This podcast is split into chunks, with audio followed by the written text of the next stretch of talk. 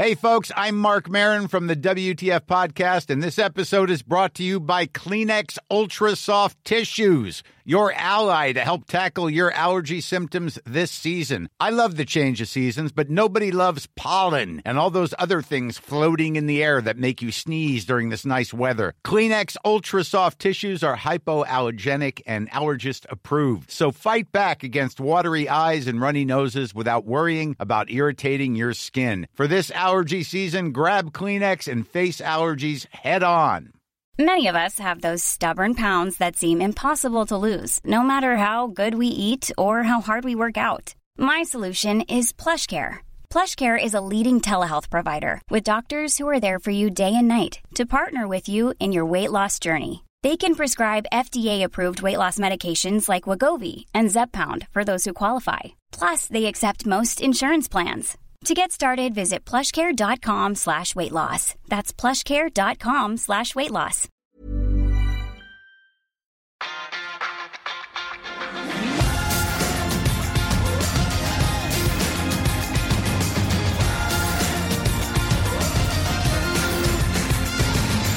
Can't believe it. Football, by the hell.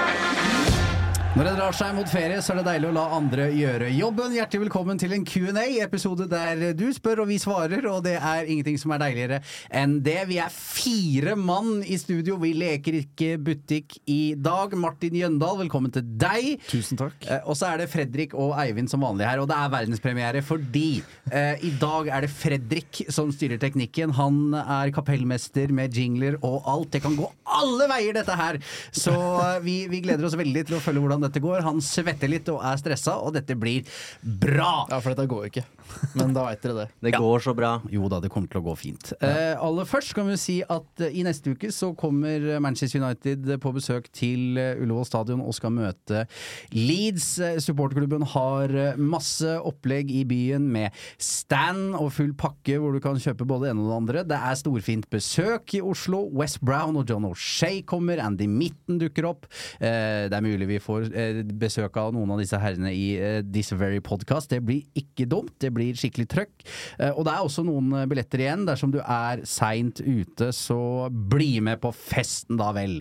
Eh, rett og slett. Vi har fått inn en hel bråta med spørsmål, Eivind. Det ansvaret har jeg gitt til deg med å, eh, med å, å selektere. Så jobben er din, og ordet er ditt. Jeg er her for å stille spørsmål i dag, eh, og det trengs fordi det har kommet såpass eh, mange, og jeg må bare hylle kvaliteten på spørsmåla. Mange er frustrert og bekymra, og det skinner igjennom, men likevel så er det sånn snev av faglig profesjonalitet i spørsmåla. Kanskje bortsett fra det første vi skal starte med fra Albert, som bare er keeper. Ja. Keeper. Keeper, ja. Og jeg syns vi skal begynne der. Jeg tror det er det er der det brenner mest akkurat nå, når vi sitter her. For status er at førstekeeperen har ikke kontrakt. Han er borte per def. Uh, han andrekeeperen, Henderson, kan vi kalle han andrekeeper, da. Han vil ikke være der. Uh, og har jo forsura miljøet, og det er ikke noen sånn superstemning der. Tom Heaton, nummer tre, han vil heller ikke være der, men får ikke lov til å dra. Han vil til Luton. Uh, så Han vil bort. Ja, han, Han vil bort. til Luton. og Martin, hva, hva føler du om den noe betente keepersituasjonen? Jeg tenker jo at uh, både, både jeg og Ten Hag ombestemte oss uh, på Wembley. Uh, vi har jo snakka om det her tidligere i år, og jeg var, gikk inn i sommervinduet egentlig med den tanken at vi, vi signer opp en, en sesong til, eller maks to. Vi har andre mer pressende behov andre steder på banen, spesielt en ny spiss. Um, men så tror jeg det henger sammen både med spissmarkedet og rett og slett eh, eh, den uh, FA Cup-finalen. Eh, vi vi snakka om det rett etter matchen på Wembley også. Og eh, når du får den oversikten og ser hvor um, begrensa distribusjon han har, og hvor hemmende det er for United i oppspillfasen, eh, kombinert med at han slipper inn eh, i hvert fall ett mål han eh, lett skal ta. Eh, jeg tror rett og slett at eh, kombinasjonen av mangel på alternativer på spissplass og det faktum at eh, Ten Hag bare ble lei av eh, det De Gea presterer, gjør at vi er her i dag. Og så tror jeg også at Onana som jeg faktisk har sett en match med, fordi han spilte Champions League-finalen eh, uka etter. Uh, og han er jo, uh, han er jo verdensklasse på, på alt det DGA ikke er veldig god på. Mm. Uh, så han virker for meg som et uh, veldig bra alternativ. Uh, jeg tror det blir en avtale, jeg tipper det skjer i løpet av denne uka her. Og det håper jeg òg, at dette går unna. Sånn at ikke dette her fortsetter med sånn ryktemakeri om at United skal sette seg ned med De Gea, de skal se an situasjonen, og så drar det ut med han Onana, og så blir dette bare sur Fredrik. Ja, det er jo å følge med i italienske medier som spekulerer i dette, er jo ufattelig slitsomt. ja. Så man blir jo man blir jo litt sånn hva skal man egentlig tro om den pågående keeperjakten her, men det er jo åpenbart at de er på jakt. Det er det jo. Og Altså, det, er så mange, det er så mange ting. Ikke sant? Han har spilt for Ten Hag tidligere. mm. Uh, bare, bare det uh, er jo et ganske tydelig tegn på at uh, han er en spiller han liker. Mm. Men David spør hvorfor Onana foran Costa. Onana er en bråkmaker. Det har vært mye tull med han, det har jo det. Ehm, og så er det to keepere sett for lite til at jeg kan egentlig veie dem opp mot hverandre. Men Mm. uh, jeg har vært veldig positiv til Costa veldig lenge, for jeg også vet at han er en straffeekspert. Dobbelt så dyr, da. Ja, Mm. det er, og det er det som er nøkkelordet. Det tror jeg også. Mm. Så øh, jeg tror at um, utkjøpsklausulen til Costa rapporteres å være på 70 millioner euro. Og her er det bare å holde tunga rett i munnen euro og pund og sånne ting. Um, Jøndal vet alt, spør han igjen om ti dager, for nå skal han til Frankrike. Og den eurokursen skal komme og bite den i ræva nå. Så dette, så dette, dette er tøffe, tøffe tider. Jeg blir euroekspert nå. Ja, ja, ja. Nei, men sånn, vi vet jo at det har vært rapportert ganske heftig at øh, United har speida mye på Costa. Og da gir det veldig mening at han har vært førstevalget hele veien, men at prisen er såpass høy at når da keepersituasjonen er sånn her, at United skal ut ny keeper, og de har kun de pengene de har å rutte med, så må de da finne en budsjettløsning. Eh, og da fremstår at Eller det virker som at Onana da er førstevalget akkurat nå. Mm. Og da lurer jeg litt på de som er positive. Er de, har de på en måte forberedt seg og stålsatt seg på at det er jo en keeper uh, i kategorien uh, som spiller på veldig høy risiko med alt han gjør.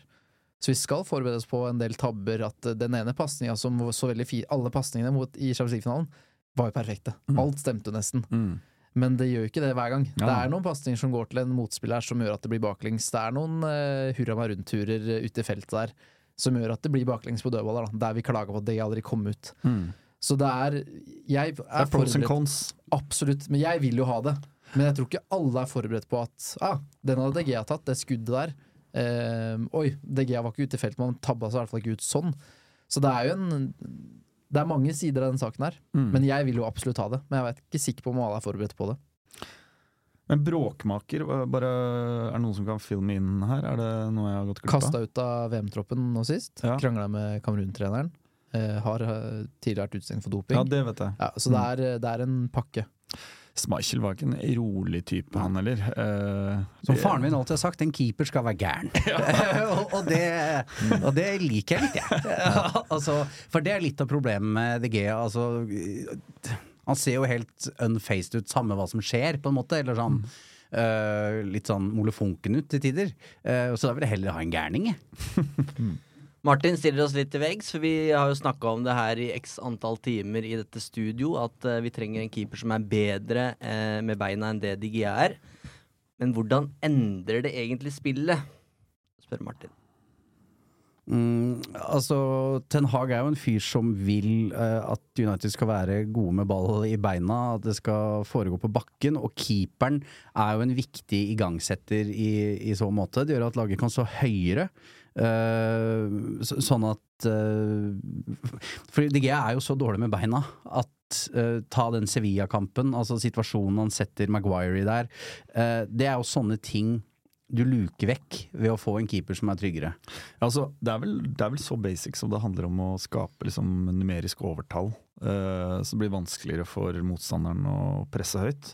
Og hvis du har en keeper som, uh, som kan ta den eh, rollen eh, som bakerstemann eh, og stå utenfor straffefeltet, styre, styre oppspillsbiten eh, av eh, spillet, så klarer man å skape det numeriske overtallet som du ikke får til hvis den distribusjonen bakfra er for, eh, Mm. uh, for rett og slett for ustabil. Da. Går du i press på Onana, da, i teorien, så spiller jo han enkelt av det presset. Mens går du i hardt press på Digea, så får han noia og slår den langt. Som gjør at du gang på gang får han i fleisen. Da. Det er jo det åpenbart synlige for min del. Mm. Eh, og så er det vanskelig å svare på, men det handler jo også veldig om usikkerheten kontra sikkerheten det skaper òg, da. At jeg det, det sprer seg veldig tydelig og veldig Man ser frustrasjonen innad i laget med at vi ønsker å få den kula, men vi har en keeper som altfor sjelden er med på det. Mm. Eh, Det må jo være den plassen på banen som har utvikla seg mest de siste fem åra. Altså, Absolutt. eh, du trenger en utspiller i mål ja. som også kan bruke henda. Ferdig med keeper. Det er du som bestemmer. Ja, jeg syns dere har uh, svart på det meste, jeg. Ehm, og da går vi over til det som er det, den desidert største bekymringa i innboksen vår. Det handler ikke overraskende om uh, spissplassen, og er litt knytta til, uh, til keepersituasjonen med tanke på antall pund som skal brukes her og der. Eh, kommer det inn noen spiss? Spør uh, Bruvoll. Hva skjer hvis vi ender opp uten ny spiss? Spør Ole. Hvilken spiss vil dere ha, hvis det ikke blir Kane, Osman eller Høylund? Vlaovic nevner Jens. Jeg har også sett at Mitrovic har blitt nevnt. Taremi har blitt nevnt i innboksen vår. Um, og så kan vi ta med spørsmålet til Andreas også. Hvis vi bruker 55 på Mount og 55-60 på Onana, det betyr vel da at vi kan bruke ca. 50 på ny spiss. Eh, krise? Spørsmålstegn. ja, vi må selge noen. Få inn noe mer penger. Ja, det er jo der eh, nøkkelen sitter, og jeg tror du er inne på noe, Martin, med at spissmarkedet er så snevert og lite og vanskelig at derfor endres fokuset litt mot keeperplassen, fordi eh, Ten Hag får ikke sin ideelle spiss i sommer. Det blir ikke Kane, det blir ikke Osimhen, for det er ikke penger til det, og, Kane får ikke Manchester United tak i. Um, så jo at Neil Custis i The Sun uh, har vært ute med sjekkheftet igjen og fått tak i noe juicy rykter, og mener at det er et eh, bud i vente på, på Høylund. eh, og det kan stemme, det. Det snakkes om 40 millioner euro. Det tyder jo på at Atalanta syns jeg er litt lite, Fredrik. Ja, det virker jo Det sto faktisk 40 millioner pund, Pund, ja. uh, i Ja. Ja. The Sun, men uh, det som står i The Sun. Ja, og så var det jo tilsynelatende et bud på 30 millioner pund eller euro tidligere, og de sa at de skulle ha 80, så da er jo 40 for lite. Men så møtes man som regel på halvveien et sted, da. Eh, dem, og den United-taxen som man snakker om, det er jo en grunn til at alle klubber prøver seg, for de vet at United har betalt overpris i altfor mange år. Og Atalanta vet jo, for Diallo kom jo Ja, ja. den veien relativt dyrt. Altså Hvorfor skal de slippe Høylund for prisen de solgte Diallo for? Det ville jo ikke gitt noen mening i verden, så der har United på en måte skutt seg selv i foten. Men det som er en potensiell game changer her i min bok, er at hvis United lykkes med salg utover, hvis, hvis Maguire, hvis McTominay eller Fred og uh, Henderson selges, så vil man plutselig ha kanskje 80 millioner pund å rutte med, da, Mm. mot tampen av vinduet. Mm. Jeg sier ikke at Kane da kommer, men det gjør at du kanskje har penger til en spiss likevel. da. Mm. Så jeg kan se for meg at spissituasjonen ikke løser seg før ganske sent, med mindre Høylund nå kommer fort. da. Mm. Ehm, Ja, jeg tror og så du- og så syns jeg Jeg tror det var Ogden som sa det i forrige episode, at du må på en måte kjøpe det som er tilgjengelig her og nå, basert på de pengene du har her og nå. Og det, det gjør at mitt hode Jeg har hele tida tenkt vi må begynne med spiss, for det er det pengene våre tillater at vi henter, og det er der behovet er størst. Mm. Men United kan ikke tillate seg å tenke sånn, for da får de aldri kjøpt noe. Da, da Mm. kjøper de spissen i slutten av august, og så må de prøve å hente keeper og mount og sånn etterpå. Så de må på en måte jobbe på den måten de gjør nå. For en deadline day det hadde vært! Ja. Mm. Ja. Nei, men jeg, Og det hadde ikke gått. jeg, jeg, jeg er helt enig med deg, og jeg tror, at, eh, jeg tror også at det kan trekke langt ut i august Mm. før, vi, før vi har signert noe, noe spiss. Men Eh, spiss må komme inn. Det, ja, det på et, må, på et eller annet det. tidspunkt i vinduet så, så må det skje. Eh, jeg vil kaste et eh, navn eh, til i potten. Altså, du nevnte jo noen der, men jeg syns jo Ollie Watkins på, på Villa Relativt som proven Premier Mm. League-målskårer. I min bok ville det vært en oppgradering på hva vi har der uh, i dag. Mm. Uh, ja, jeg nevner han. Heller det enn Mitrovic, i Ja. hvert fall. Som noen, det syns jeg hadde vært uh, seigt Mm. å starte sesongen med. Jeg er helt enig. Men det er bare så åpenbart at den spissen må inn. Det er ikke noe de kan utsette. Nå, nå prøvde de på en måte å erstatte Ronaldo med Vegårst. Nå skal de tilbake. De Si det til- en gang til!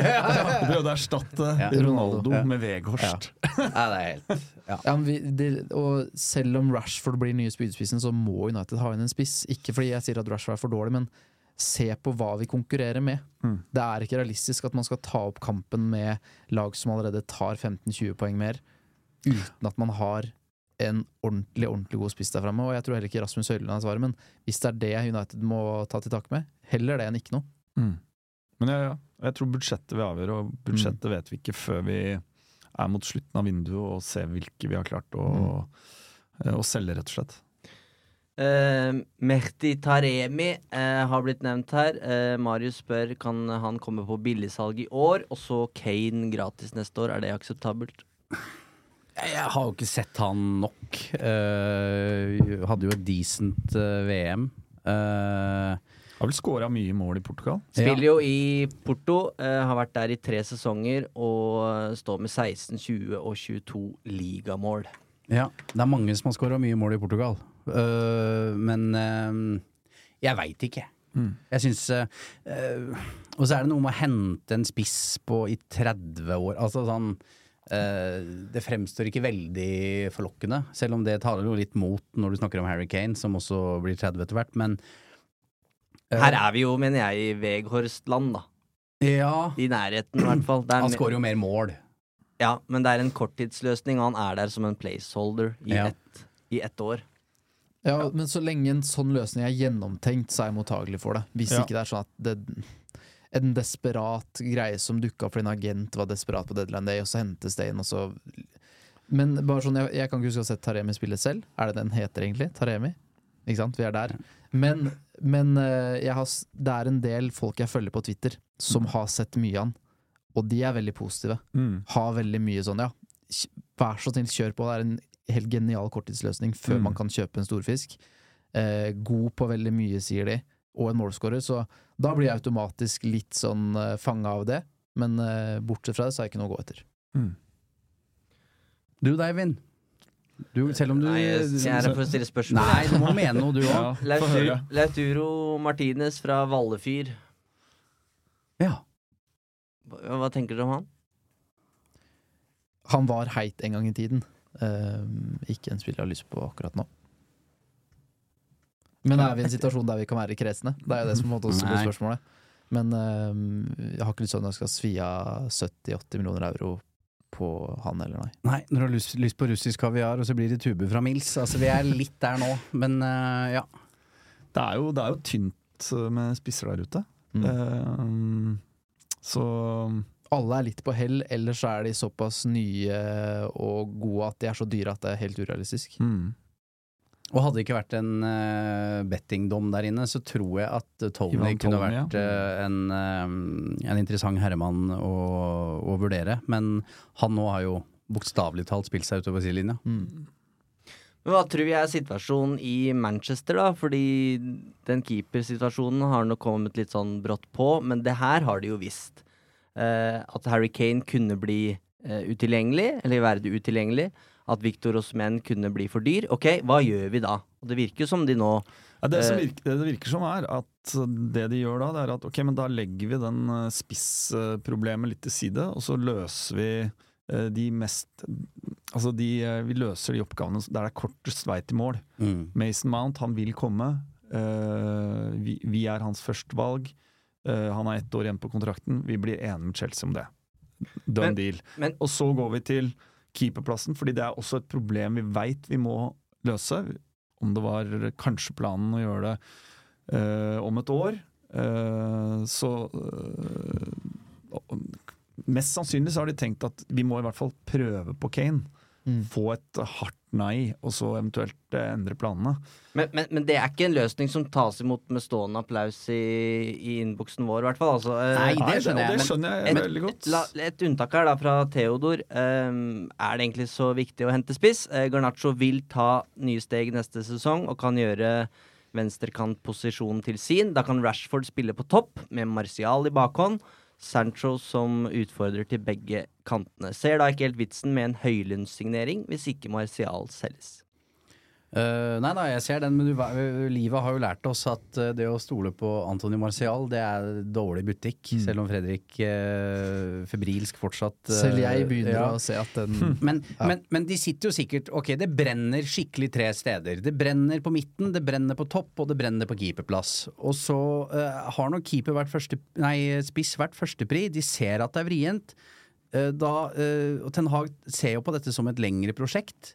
Ok, må jeg vente på spiss, så er det nå en gang sånn det er. Men da løser jeg midten, og jeg løser keeperplassen. Så det er jo to av tre utfordringer løst.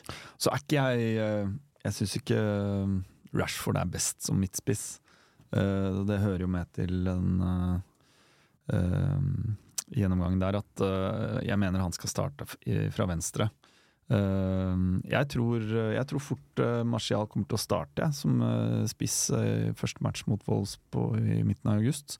Eh, Og eh, spesielt hvis han har en ok preseason og faktisk er skadefri. Eh, Men eh, Det er mange spørsmål. Det er ja, mange viser om men, men, jeg, sånn. men jeg tror også at vi kommer til å, å handle en, et spissalternativ Mm. uh, før vinduet stenger. Må jo det. Jeg, jeg lurer på om vi underspiller ett poeng i spørsmålet til Theodor, og det er han som uh, kan bli vår nye nummer sju.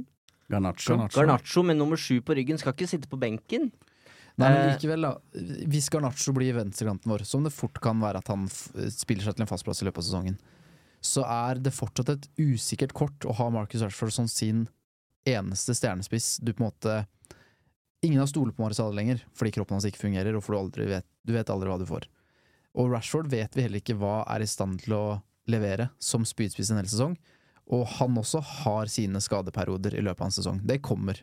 Han er altfor eksplosiv til at ikke de hemmestringene eller at det, det kommer en eller annen strekkskade i løpet av sesongen. Og hvis han forsvinner ut med skade, da, så blir det igjen den der, ja, midlertidige løsninga. Kanskje vi må bruke Sancho eller Bruno som falsk nier. Den der, der, det må vi unngå. Det er det, og derfor er en Høylund- Høylund-signering veldig sånn logisk. Selv om ikke det er det vi Det er heller ikke trygt, men da har du en ren spiss, i hvert fall. Som du kan Og sette du du kjøper potensial. Nettopp. Eh, Og den situasjonen føler jeg at det har veldig sånn under kontroll. Hvis de virkelig vil ha den, så får de den. Og så er målet å presse pris så langt ned, og ikke drøye det så lenge som mulig. Fordi jo nærmere delene de kommer, jo høyere er prislappen. Så jeg ser veldig for meg at han kommer inn, fordi han åpenbart vil, og fordi Atalanta er en selgende klubb når storklubber kommer på banen. Mm. Og United har reell interesse, men han er åpenbart ikke noe førstevalg for Ten Hag. Eh, Ragnhild eh, ville jo ha inn en del spillere som han eh, ikke fikk. En av de var Dusan Vlaovic. Hatt en dårlig sesong i Juventus, og derfor så er han litt glemt. Eh, så mange som spør om det kan være et sikrere kort enn Høylund, blant andre Fredrik. Litt det jeg sa i stad, at eh, hadde du spurt meg for ett eller halvannet til to år siden, så hadde han vært kjempeheit, og da hadde jeg tenkt sånn, ja, gjerne før Juventus plukka han opp fra Fiorentina, var det det der? Mm. Mm. Eh, men det er noe med timing her, så jeg sier ikke at det er et dårlig, dårlig alternativ, det er bare at de er ikke så heite, de er på ikke nedadgående kurve, men rent formmessig da, så har de ikke levert noe som tilsier at det er sånn kjempeattraktivt akkurat nå. Nei, men det, det viser jo hvor ferskt fotball er. Altså, husker jo uh, Brendan Rodgers. Han var nevnt som United-manager altså for uh, to år siden. Mm. Mens nå er han jo iskald og måtte dra, dra tilbake til, uh, til Celtic. Og Mason Mount også har jo folk også vært litt sånn «Ah, for Han hadde en dårlig sesong i, i, i Chelsea nå. Eh, og det gjelder jo han i Juventus også. men hele Juventus har jo hatt en blytung sesong. Eh, så definitivt eh, et alternativ, og jeg tipper han står på en eller annen liste. Mm. Et bedre alternativ enn enn det vi hosta opp i januar, i hvert fall. Ja. Og det er jo på Det- ingen måte utenkelig ja, ja, Vanskelig å slå denne. Men det er på ingen måte utenkelig at Ten Hag klarer å hente en spiss som ikke er kjempeheit akkurat nå, blåser nytt liv og bare få fram det de var gode på for et år eller to to siden så lenge de har alderen på sin side. At ikke det er en spiller som er på hell. Mm. Uh, så jeg, jeg utelukker ikke at det er, en, er og kan bli en kjempeløsning, men det er ikke det som frister mest akkurat nå. Så kan det likevel bli veldig bra med Vlaovic, med Lautoro Martinez, og så er ikke det mine førstevalg. Men jeg utelukker ikke at det blir bra likevel. Kan det være mer bak eh, kulissene angående Greenwood enn det vi vet om, siden vi ikke prioriterer spiss, spør Mr. Mostad. det, det, det er jo en eller annen form for bevegelse der, da. Altså med, med tanke på øh, Du ser ryktene om at Roma liksom, kan være inne på tanken på et utlån.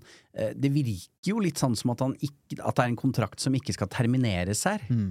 Begynner å bli litt tydelig for meg. Eh, eh, Så er spørsmålet skal han møte opp til preseason på Carrington, eh, eller skal han rett og slett eh, få et år et annet sted før han kommer tilbake? Eh, men det er en utrolig vanskelig situasjon. Eh, Hadde man vært uten eh, den saken, så hadde jo mye vært løst, på en måte. Da tror jeg ikke United hadde kjøpt eh, Høylund For da, Mm. liksom, da, da hadde man jo den mannen i egne rekker. Mm. Uh, og nå har du ikke spilt fotball på lenge, da, men hvis man ser bort fra saken, uh, så er det ikke noen tvil om at det er en med ferdigheter som, uh, som kan gjøre en jobb her. Mm. Utvilsomt, men for min del så kan jeg på ingen måte se for meg at han skal spille fotball for Manchester United denne sesongen her. Skal United liksom ta risikoen, hive han inn etter nesten to år utenfor fotballbane, med alt det kan føre med seg, og så aner ikke om han engang er i stand til å prestere, Mm. verken eh, psykisk eller fysisk. Så for min del gir det veldig mening at dersom det skal finnes noe håp for Greenwood United igjen, så må han lånes ut. Så må det støyet må stilne i løpet av det året han er på utlån. Så må han prestere på et sånt nivå som gjør at United tenker at vet du hva, nå er det verdt risikoen. Nå har vi sett hvordan det har fungert der ute. Nå er ikke hat Det er litt glemt, for han har skåret mål. Folk har korttidshukommelse. Det er det eneste Man måten- kommer jo til å bli hetsa til den dagen han legger opp. Ja, ja. Men det vil være litt mindre Ja. tror jeg, hvis du allerede har vært ute og spilt fotball og gjort deg bemerka på en positiv måte. Og så vil det aldri dø ut i Premier League. Det vil han få høre resten av sin karriere når han spiller borte. Men hvordan er det, ikke sant? Altså, gitt at han skal eh, på utlån Mm. til en annen klubb, vil United da først måtte legge fram eh, resultatene av den undersøkelsen som vel fortsatt pågår? Det tror jeg nesten de må. og på en eller annen måte håndtere det med et intervju, eller uh, Han må jo si noe. Det kan Mm. ikke være sånn at Mm. neste gang vi hører fra han, så dukker han opp på en pressekonferanse nede i Roma ved siden av José Mourinho, liksom. Nei, de, de Jeg, jeg, jeg syns det virker, eh, virker rart, da. For i det øyeblikket de sender han på utlån, så har de jo tatt et valg. Ja. Mm. Ja, de må adressere det på Ja, ja. De må Ja. det. Men Og- blir det med en statement, eller blir det med et faktisk Det eh, antar jeg. Men en-til-en-intervju? The? The Sun har vært veldig gode på Greenwood eh, i det siste, Ja. eh, og hadde en sak senest i går kveld om at han igjen trente med denne personlige treneren og hadde klipt seg og sånne ting. Eh, og da mener jeg saken at en avgjørelse rundt Uniteds etterforskning er forventet å komme i løpet av denne måneden. Mm. Så jeg antar at før vi får vite karrieresteget, så er det kommet en offisiell kunngjøring eh, som Mm. konkluderer med et eller annet. Hi, I'm Daniel, founder of Pretty Litter. Cats and cat owners deserve better than any old fashioned litter. That's why I teamed up with scientists and veterinarians to create Pretty Litter. Its innovative crystal formula has superior odor control and weighs up to 80% less than clay litter. Pretty Litter even monitors health by changing colors to help detect early signs of potential illness. It's the world's smartest kitty litter. Go to prettylitter.com and use code ACAST for 20% off your first order and a free cat toy. Terms and conditions apply. See site for details. I'm Sandra, and I'm just the professional your small business was looking for. But you didn't hire me because you didn't use LinkedIn jobs. LinkedIn has professionals you can't find anywhere else, including those who aren't actively looking for a new job but might be open to the perfect role, like me. In a given month, over 70% of LinkedIn users don't visit other leading job sites. So if you're not looking on LinkedIn, you'll miss out on great candidates like Sandra. Start hiring professionals like a professional. Post your free job on linkedin.com/people slash people today. Nå syns jeg Jinglemaster skal i ilden. Får vi se, da. I just love United. Misfornøyd? Nei, Eivind, du kan bare gå, for Fredrik har full kontroll. Hva skal til for at United faktisk skal greie å få inn noen summer på spillersalg? Greit at Chelsea har en hel hær å ta, men de greier i hvert fall å få betalt for de som skal vekk, spør eh, Sondre. Ja, det er jo en kunst å selge fotballspillere. En kunst United alltid har vært dårlig på. Eh, men det handler jo, som vi har vært inne på tidligere, med disse høye lønningene United-spillerne har, eh, at Harry Maguire skal gå til Westham. Da må han vesentlig ned i lønn. Eh, det kan være at vi må inngå kompromisser, altså at United må ta en del av tapet, eh, rett og slett, ved at disse gutta skal gidde å flytte på seg. Eh, så det er en vrien øvelse for min favorittduo Murto og Fletcher å håndtere dette her. Og hva, hva blir Og da blir det jo også sånn Hva er poenget hvis vi skal eh, Vi skal selge Maguire til Westham, eksempel, men, men på en eller annen måte dekke inn mye av den summen som utgjør lønnspakka hans for den kjøpende klubben. Så blir det også et sånt spørsmål om uh, Men what's in it for us? Hva, hvor tar det budsjettet vårt uh, inneværende sommer? Uh, og Hvis ikke han sjøl pusher aktivt på for å, for å komme seg vekk og få spilletid, komme seg holde plassen i det engelske landslaget, så, så blir det litt sånn Ok, men da, da har vi en backup-stopper. Mm. uh, og jeg tror, jeg tror kanskje Det virker jo litt sånn at, at man potensielt i hvert fall sitter litt stille i båten for at spilleren sjøl skal uh, i hvert fall ta et initiativ. Mm. Eh, at Jeg har en følelse av at det gjelder litt både for, for Maguire og for McTominay og, og Fred. Eh, alle tre er potensielle statsobjekter. Eh, men hvis vi aktivt går ut og pusher de, så, så da er i hvert fall Da vet du at eh, prisen ikke blir eh, det man kanskje kan forvente. Mm. For- Og det er jo ikke bare United, det er jo mange klubber nå som sliter med dette Financial Fair Play-greiene. Du ser jo Newcastle, og de kan ikke bare gå og De må selge spillere nå for å få bøkene til å se riktig ut. Men jeg må si Harry Maguire under David Moyes i Westham, det høres ut som en perfekt match. Mm. Ja, men jeg er helt enig. Jeg tror eh, Det er jo en god fotballspiller, bare ikke Manchester United. Eh, så jeg tror også at han kan virkelig blomstre et annet sted. Men det, det som liksom det med overgangssummer og lønninger her, som vi snakker om hvorfor United er så dårlig til det, det starter med den dagen de signerer den spilleren de gjør.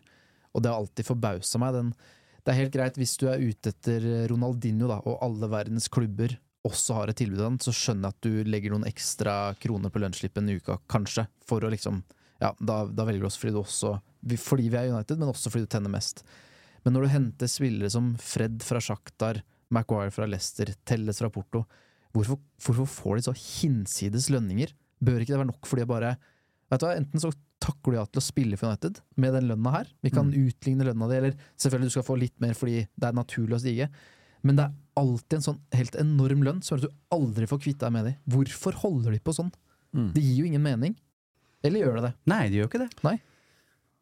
Det bør være nok å bare si at enten så har du lyst til å spille for oss, at du Ja. går fra sjakter til oss, og så tar du takten med lønna her. Ja, men det er klart, de skal jo Det opp blir som følgefeil. Ja. Ja, fordi, men, De skal selvfølgelig opp, men de skal ikke så mye opp at de hadde vært lønnsledende i mange av konkurrentene våre sine lag. nei da, jeg, jeg tenker vel Det var jo Alexis Sanchez som sprengte den lønnsstrukturen. Ja. Eh, da han kom, da skulle jo Digea ha like mye betalt. Og så skal alle de under ha et Mm. trinn opp på stigen. mm.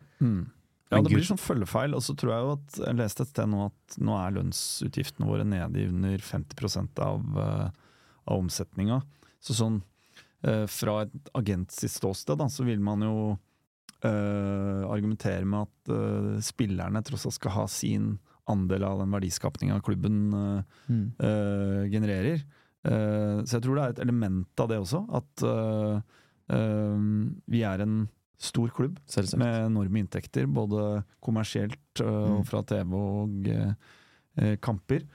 Eh, men det er et problem. Det er ikke et problem utelukkende for United, det er et problem for kanskje de eh, topp fem klubbene i verden. Mm. Eh, altså det, det fins noe En liten klubb i. Spania som Ja. vel har enda større problemer enn Mm. en oss med å bli kvitt en del godt lønna spillere. Eh, nei, men det er ikke noe, det er ikke noe enkel uh, oppskrift på det. Nei, åpenbart Eh, ikke. Det blir altfor alt for forenkla sånn som jeg legger det fram. Ja. Men, men jeg føler at det på en måte er noe i det, med at, i hvert fall når du henter disse spillerne fra lavere klubber som ikke har den stjernestatusen ennå, Ja.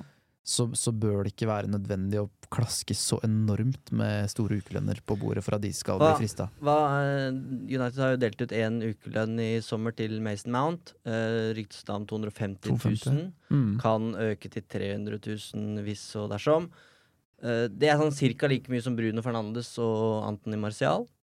Han er jo en engelsk landslagsspiller, og noe av grunnen til at han går, er at han har tjent under 100 000 i Chelsea de siste tre åra. Så han har jo vært underbetalt der i, i tre år i forhold til eh, hva tilsvarende spillere med hans markedsverdi eh, stort sett får betalt Mm. eh, i de største klubbene i Premier League.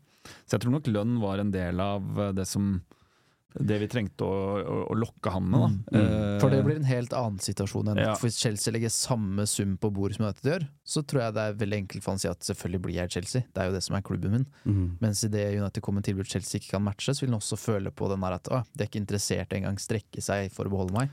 Så blir det bare enda lettere for han å velge United, da. Så Ja. der, er det jo, der gir det jo all mening at United legger en større lønn på bordet. Og i hvert fall hvis ikke Chelsea har liksom vært der. Og, altså Selv hvis de hadde kommet og tilbudt det nå, så er det litt sånn Ja, men det er litt seint. Mm. Eh, men det virker jo nå, ikke sant. Nå Ronaldo ute, uh, DGA kontraktsløs. uh, nå, vi tar jo ned noen av de Ja, ja. mm. Eh, og Sanchez er eh, en eh, langt tilbake i historien. Men som han spilte piano. Eh, Som han spilte piano på sign Mm. signinga. Bedre enn meg og Fredrik, mener du? Ja, faktisk. Nei, altså, jeg, jeg tror nok at uh, en del av det Ten Hag driver med nå, er å få, få på plass en bedre lønnsstruktur Mm. i, uh, i A-lagsdalen. Takk Gud for det. Uh, og da blir også den spillelogistikken på sikt kanskje enklere å, å få til, rett og slett. Du flirer jo, Martin. Nei, jeg bare tenker liksom på alle som har tjent så mye penger. Altså Marcos Rojo eh, Altså Det er så mange gutter som har trukket vinnerloddet. Mm. eh, og levd livets glade dager og spilt på et dårlig fotballag. Og det er fascinerende. Schweinsteiger. Ja.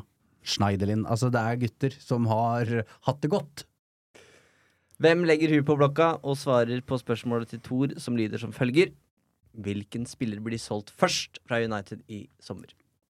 Fred. Ja, det skulle Mm. jeg til å si. Eller Henderson. Ja. Fordi han er den mest attraktive, eller fordi um, Fred, han er enklest å selge? men Fred er øh, Han er en brasiliansk landslagsspiller, men han er på utgående kontrakt. Mm. Uh, Og en god spiller. En bare god så det- spiller. En god spiller. Uh, jeg tror ikke han kommer til å koste voldsomt mye, så jeg tror han er liksom innenfor rangen til en, en god Til man, relativt mange Premier League-klubber. Uh, jeg har hørt eh, Det har vel vært en del snakk om Fulham. Mm. Eh, men han, han, tror jeg også, han tror jeg kommer til å gå. Uh, Henderson kan vel fort ende opp i, i Forrest. Mm. Mm. Men Henderson, i motsetning til Fred, tror jeg sitter mye mer på gjerdet. Kan det dukke opp en mulighet til at jeg likevel kan Mm. jeg bli førstekeeper? At han ikke har lyst til å gi opp den helt, og da gir det ingen mening at han haster ut portene på Carrington. Mens Fred har åpenlyst sagt, eller han har sagt det åpent og ærlig, at jeg må finne ut av hva jeg gjør, jeg trenger å spille, jeg vil spille. Mm. McTominay tror jeg også elsker å spille United og ønsker det. Han vil også ha mer spilletid, men for United gir det mye mer mening å slippe Fred før de slipper McTominay, og slipper de Fred, så slipper de sannsynligvis ikke McTominay, tipper jeg. Ja, ja. Eh, mens Maguire også, som eh, Andy Mitten delte med oss, eh, han har ikke fått noen indikasjoner på at United ønsker å kvitte seg med en, og han selv skal angivelig også ønske å bli værende. Da gir det heller ingen mening at det er en snarlig løsning rundt han. Så Fred gir veldig mening i min bok. Ja, og det, det er litt bare se på? Fred har spilt i, i den rollen der vi har signa Mason Mount, Mm. uh, og er nå mest sannsynlig et uh, tredjevalg bak Mount og Eriksen. Mm. Uh, McTominay er fortsatt eh, kanskje vår fremste backup på Casemiro. Eh, og for McWire sin del så er det vi har fire Vi har fire klasse- eller landslagsspillerstoppere. Eh, så der har vi bra dybde, men, men vi, vi, vi fikk jo bruk for alle fire i fjor. Ja, ja. Eh, Varan er jo en del skada. Mm. Ja. Nei, men Fred Ten Hag stoler åpenbart ikke på han. Han har spilt mye mindre enn det jeg personlig trodde, og da gir det veldig mening at han forsvinner nå. Det er jo gutta dine som skal selge disse spillerne, Jon Martin. Mhm. Ehm, og Marius lurer på er ikke nå Jordi Cruyff ledig på markedet? Jo, men han vil vel prøve seg i en annen rolle. Er vel eh, min gamle venn Jordi, som jeg traff på Malta i sin tid. Eh, og jo, åpenbart dyktig. Eh, men det er jo så mange United vil jo ikke få gjøre noe med det sportslige apparatet før man veit hvem som eier klubben, ikke sant. Det kan jo godt hende Jordi Cruyff og Edvin van de Saar eh, er henta til United eh, om noen måneder, for alt vi veit. Eh, men eh, åpenbart en dyktig fyr. eh, godt rykte. valgte jo selv å stikke fra Barcelona. Men jeg tror ikke han er aktuell for United på, på nåværende tidspunkt. Er, er han fortsatt god kompis med Ole Gunnar, eller? Det veit jeg ikke. De var jo veldig de, var, close, de delte de rom og hadde det fint sammen i, i Manchester, de. Kom jo samtidig òg. men hva slags dialog de har nå, det veit jeg rett og slett ikke. Aner ikke. Jingle. Your job is to tell the truth. That's your job. Sove og stresse, André. Altså, Ja, det er altså, ikke ja. bare bare å sitte i Nei, min nei, stol, nei. skal jeg si dere. Jeg ante ikke hva jeg ga dere, men Nei. dere fikk den i hvert fall. Ja, ja. Eh, Tommy, Mason Mount-sangen må jo bli med Baby Shark-melodien. Tenk dere det koken på Old Trafford. Dere hørte det her først. Da er det bare å ta med barna, så blir det stemning. Det. Det sitter jo fire stykker her som kan Baby Shark. Det er det ikke noe tvil om. det. Hører den daglig, sier Ja. det. Mason Mount ja, til Baby Shark. Nei, det er bare å synge med. Men jeg hørte en annen variant òg. Det var mens eh, bud, eh, eller forhandling pågikk. da Det var 'Ain't no mount bid high enough'. Ikke sånn den heller. Den er sterk. Ja, ja, fin den. Du skal ha det, de som snekrer de låtene. Ja, det, ja, ja. det er best i klassen der, Ja, enig Men. AI tar jo over dette. Ja, Det bestiller så ordner det seg. Snart sitter ikke vi her lenger heller. Kanskje det blir en uh, AI-låt med Baby Shark og Mason Mount på Instagram i løpet av uka. Um, jeg prøver å finne spørsmåla her uh, som jeg skulle til. Vi kan gratulere Brede med dagen så lenge. Uh, Gratulerer, Brede. Gratulerer, Brede. Herlig bredde. Andy lurer på følgende spørsmål, og det kan jo føre til litt debatt. Tipp de elleve som starter første ligamatch mot uh, Wolves. Mm. Jeg sier Onana i målet. Ja, Vi gjør jo det. Ja. enig. Onana. Van Bissaka. Martinez. Varan. Varan. Shaw. Shaw. Jeg, jeg lurer på om jeg eh, går for Dalot, jeg. Bare for å mikse det opp en bit. Ja, greit. Ja. Ja. Ja. Jeg sier Vanbisaka, jeg ja. Casemiro. Mount. Rashford. Bruno. Anthony. Martial. Martial. Du da, Eivind? Er dere fornøyd? Med Fornøyd? Nei, det var ikke det vi sa, det var hva vi tror. Det er det vi tror. Og Høylund på benken. Ja. Til Atlanta. Hatt en iskald preseason og sitter på benken for Atlanta. Adrian, eh, i forlengelsen av det, da. Hva tror dere at Uniteds mål er for neste sesong, og hva tror dere eventuelt er oppnåelig? Som jeg var inne på i forrige uke, den neste sesongen blir beintøff. Ja. Altså, City er City. Arsenal er vesentlig forsterka allerede. Chelsea kommer til å bli mye bedre. Liverpool kommer til å bli bedre. Det å komme inn i topp fire her kommer til å bli tøft. Newcastle skal du selvfølgelig ikke glemme i miksen. Tottenham med ny manager. Dette her blir vanskelig. Men målet tenker jeg må være å stabilisere skipet ytterligere. Uh, gå for en, um, en topp tre. Uh, og i hvert fall en kvartfinale i Champions League. Mm. Og et trofé i en av de hjemlige cupene. Det ville vært en god sesong, fordi det, vi er ikke ferdig utvikla som lag. Og vi trenger ett eller to vinduer til, tror jeg, for å ha en ordentlig sånn title eh, charge. Og færre sånne seige perioder. Altså, altså Mm. at det spillemessig er mer stabilt godt, tenker jeg også er viktig oppi Det er- dette her. Det er der utviklinga er størst, mener Ja. jeg. da Fordi eh, vi kan si at alle de andre laga kommer til å forbedre seg. Og før sesongen i år så tenkte jeg at topp seks er knalltøft. Mm. Så var det mange lag som ikke leverte i år, da som vi forventer skal levere bedre denne sesongen som kommer.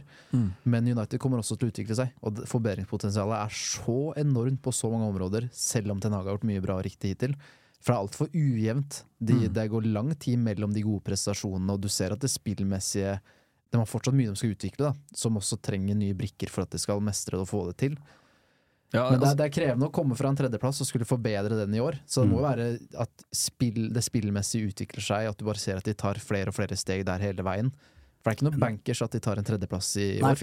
nei, jeg, jeg, vil, jeg vil se oss uh, uh, mer uh, kompetitive på bortebane mot eh, øvre halvdel av tabellen.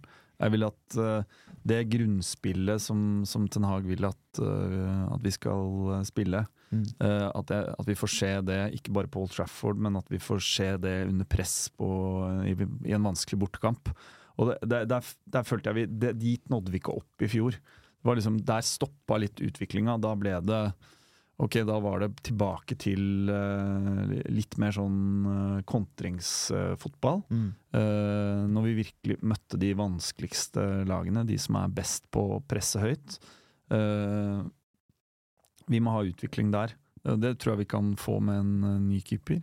Men den elveren er ikke klar til å, til å utfordre City til et ligagull ennå. Det Nei, tror jeg ikke. Nei, for hadde du fått inn Harry Kane, Ja. hadde, liksom at du får inn den der som vi har vært inne på før, den jævelen som liksom går inn som en ledestjerne og bare boom inn, skårer 25-30 liga. Liksom. Sånn, Jeg, dette fikser jeg jeg. skårer 25. Ja, heng, heng på her, så ordner vi dette her. Men jeg tror ikke Onana, Mason Mount og Høylund gjør at Manchester United vinner ligaen. Altså det, det virker langt dit for meg, altså. Ja, men jeg er helt enig, og ikke underspill heller hva det vil ha å si for en motstander å møte United med Harry Kane på banen. Mm. Hva, hva det gjør med medspillerne er en opplagt ting, men det, er også, det fører til en økt respekt da, hos motstanderne, som gjør at de angriper kamper på en helt annen måte.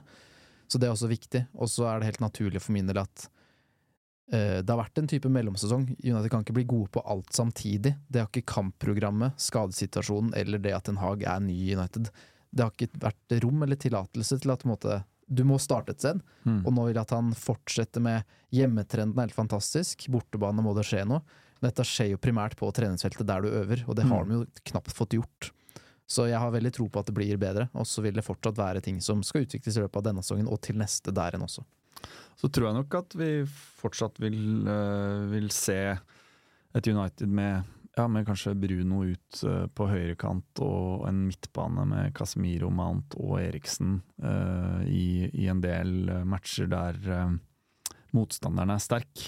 Uh, men jeg håper og tror at, at, vi, at, vi, at vi de aller fleste kampene tør å stå i liksom det som Ten Hag vil skal være vårt grunnspill. Mm. Um, der, der, der synes jeg, Da må jeg bare trekke fram et sånt lag som, som Brighton i, i fjorårssesongen. Vi så jo de et par, par ganger mot United mot uh, slutten. Og den derre stubbornessen deres i å Mm. faktisk spille på samme måte. Mm. Spille etter de spillmønstrene de har planlagt. Litt uavhengig av motstander. Uh, uh, det Enig. Ja. Jeg tror vi må, vi må nærmere det, da. Mm. Jeg savner også det, for jeg syns ikke Liverpool og City tar ikke de hensynene når de møter andre lag. De spiller på sin måte og har tillit til. Og så, så må man selvfølgelig gjøre noen taktiske vurderinger opp mot De er enormt gode på det, så vi må gjøre litt. Men her blir det at du må benke den type spilleren som kanskje skaper uro for oss på hjemmebane. Da. Fordi at man må dekke opp for Det blir tatt for mange valg fordi at kanskje man ikke har kommet langt nok i det man ønsker å utvikle, men også fordi spillerstallen ikke er sterk nok til å det står ikke sterkt nok mot de Mhm. beste motstanderne. Nei, det er noen brikker finne- som ikke passer. Nettopp, så du må Mm. liksom finne sånne alternative løsninger hele veien. Og det, Det har må også være et mål eh, for Ten Hag. Ja, det har vært litt sånn gaffateip Gaffa, ja. for eh, Ten Hag. Godt Eh, bilde! Mindre av det. Mm. Mindre gaffa, ja. Ekte rørlegger. Drøyt oss laget mot Wolves. Eh, det nærmer seg kamp i Oslo, som du var innom, eh, Jon Martin. Eh, Sara Helen lurer på hva vi kan forvente. Vrient å sette opp en elver, kanskje, men spekulere litt uh, i hvem som kommer, og hvem som ikke blir med. Nei, det hadde jo gøy, vært gøy å sett Mason Mount uh, på Ullevål. Um, og uh, og vært spennende om det var en ny keeper på plass, da. Eller i hvert fall at det er en keeper der. Uh, så skal Dean Henderson være med? Mm. Spørsmålet er er jo lands... skadefri. Nei, det er riktig. Ja, Ja. Det er jo landskampene som, som avgjør her. Mm. Har de spilt landskamper eller ikke? Det har ikke Mason Mount gjort. For min del så forventer jeg at en nysignering som Mason Mount på en måte er gira på å være med fra dag én og være med på alle kampene. Han er jo heller ikke aktuell for landslaget, så sånn sett så forventer jeg at vi får sett han på Ullevål. Og i preseason så veit vi at det blir kanskje 22 eller kanskje til og med 23 spillere som, som får komme inn og spille. Eh, men at det starter med sitt antatt beste basert på hvem som er til stede, og så kommer det en, en rekke unggutter inn fra 45 eller 60. Eh, så vi får se. Mange spiller i aksjon, antar jeg. Mm. Jeg har lista her, jeg. Rashford, Fernandes, Casemiro, Eriksen, Maguire, Shaw, Lindeløv og Garnaccio har spilt landskamper. Og er i prinsippet da har eh, rett på eh, er det tre uker ferie. eh, Og trenger derfor ikke å være med til Oslo. Men de kan melde seg på Carrington når de måtte ønske, og bli med hvis de vil det. Men du husker jo videoen av Maguire. Han hadde jo så lyst til å dra til Oslo, så jeg tipper han ber om å få være med. Ja. Men en spiller i Maguires situasjon bør jo på en måte melde seg på, da. Eh, Ja. Det å imponere fra start in preseason kan være en game changer for eh, at de andre teoretisk må spille seg inn igjen, eller at du øker eller styrker aksjene dine i klubben. Så jeg vet ikke hva, hva de selv tenker om det er eh, barn og familie å ta hensyn til der også, med ferieavvikling, men eh, det vil jo på en måte skuffe meg om de spillerne som kjemper for karrieren sin, ikke møter opp på dag én og er gira etter å imponere. Mm. Ok, skal vi avslutte med litt snacks? Uh, en fra Floyd Kai her. den har gått til gjesten vår. Uh, hvilken spiller er din favorittspiller of all time i United-trøya? Min all time favorittspiller i United, tror jeg. Eh, må svare Cantona. Hvem er utfordreren? Nei, det er liksom Det er jo, det er jo Roy Keane, da. Keane og Cantona. Uh, rett og slett. Uh, det handler jo litt om uh, eh, alder. Altså eh, Cantona skaffa oss vårt første ligagull på hva var det, 26 år. Eh, og var jo et eh, idol. eh, kanskje liksom det første ikonet fra Premier League. Eh, med en helt egen karisma, flair og Nei, han var helt, helt rå. Gråt når han lå, la opp, husker jeg. Eh, og Keane, Keane føler jeg altså snakker for seg sjæl. Han dreiv oss videre og til mange trofeer på slutten av 90- og begynnelsen av 2000-tallet. En legende som jeg fortsatt eh, koser meg med i Mer enn på noen gang? YouTube-klipp og Ja, ja. ja. Roy Keane live på Dovle, Han kunne vært komiker. For er en er- stjerne han er! Han er. Han er altså så bra. Trodde ikke han hadde det, Nei, faktisk. enormt, altså. Skal vi ta runden? Ja, før Rune Martin sin, da. Favoritt? Ja. Jeg vet ikke om det er lov å si lenger, men for meg er det jo gigs, vet du. Ja. Alltid vært gigs. Jeg hadde jo en strålende venstrefot jeg òg i, i min tid. Ikke samme farten, uh, men uh, nesten. nesten. Nei, for meg er det gigs og Scodes, altså, som er uh, med, med Keen på en god tredjeplass. For min del så er det Det var to i barndommen. Eh, Det var Ole Johan Solskjær og det var David Beckham. Og så er det, det er Solskjær. Det er umulig for meg å svare noe annet. Altså, jeg var, jeg var så enormt fan at det var alle skoa han hadde, de skulle jeg ha. Og jeg var i en bursdag hvor det regna og hølja ned, eh, ikledd hvit skjorte. Eh, og så ute og spilte fotball, og eh, jeg vet ikke om du husker den skåringa hans mot Tottenham, når han, han lurer Walker ned på rumpa ved at han på en måte setter seg ned sjøl, og så løfter han ballen over. Det gjorde jeg med hvit skjorte, så jeg satt der en søledam. Bare for å kopiere Solskjær sin skåring mot Tottenham. Så for min del så har det alltid vært en størst helten. Da takker Dan Børge av. Du kan runde av, Jon Martin. Og så Du må si din, da.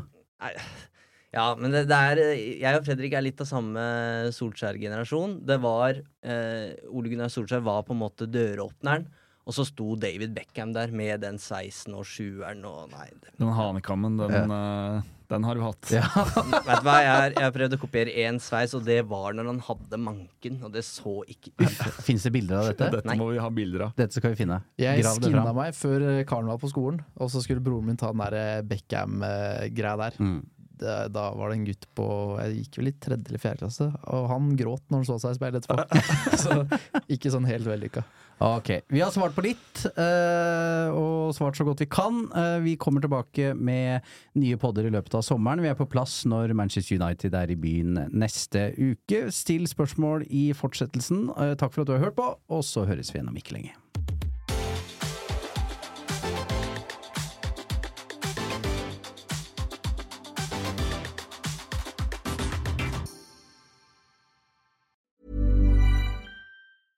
Even when we're on a budget, we still deserve nice things. Quince is a place to scoop up stunning high-end goods for 50 to 80% less than similar brands. They have buttery soft cashmere sweaters starting at $50, luxurious Italian leather bags, and so much more.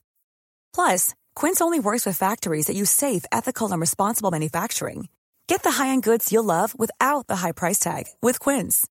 Go to quince.com slash style for free shipping and 365-day returns.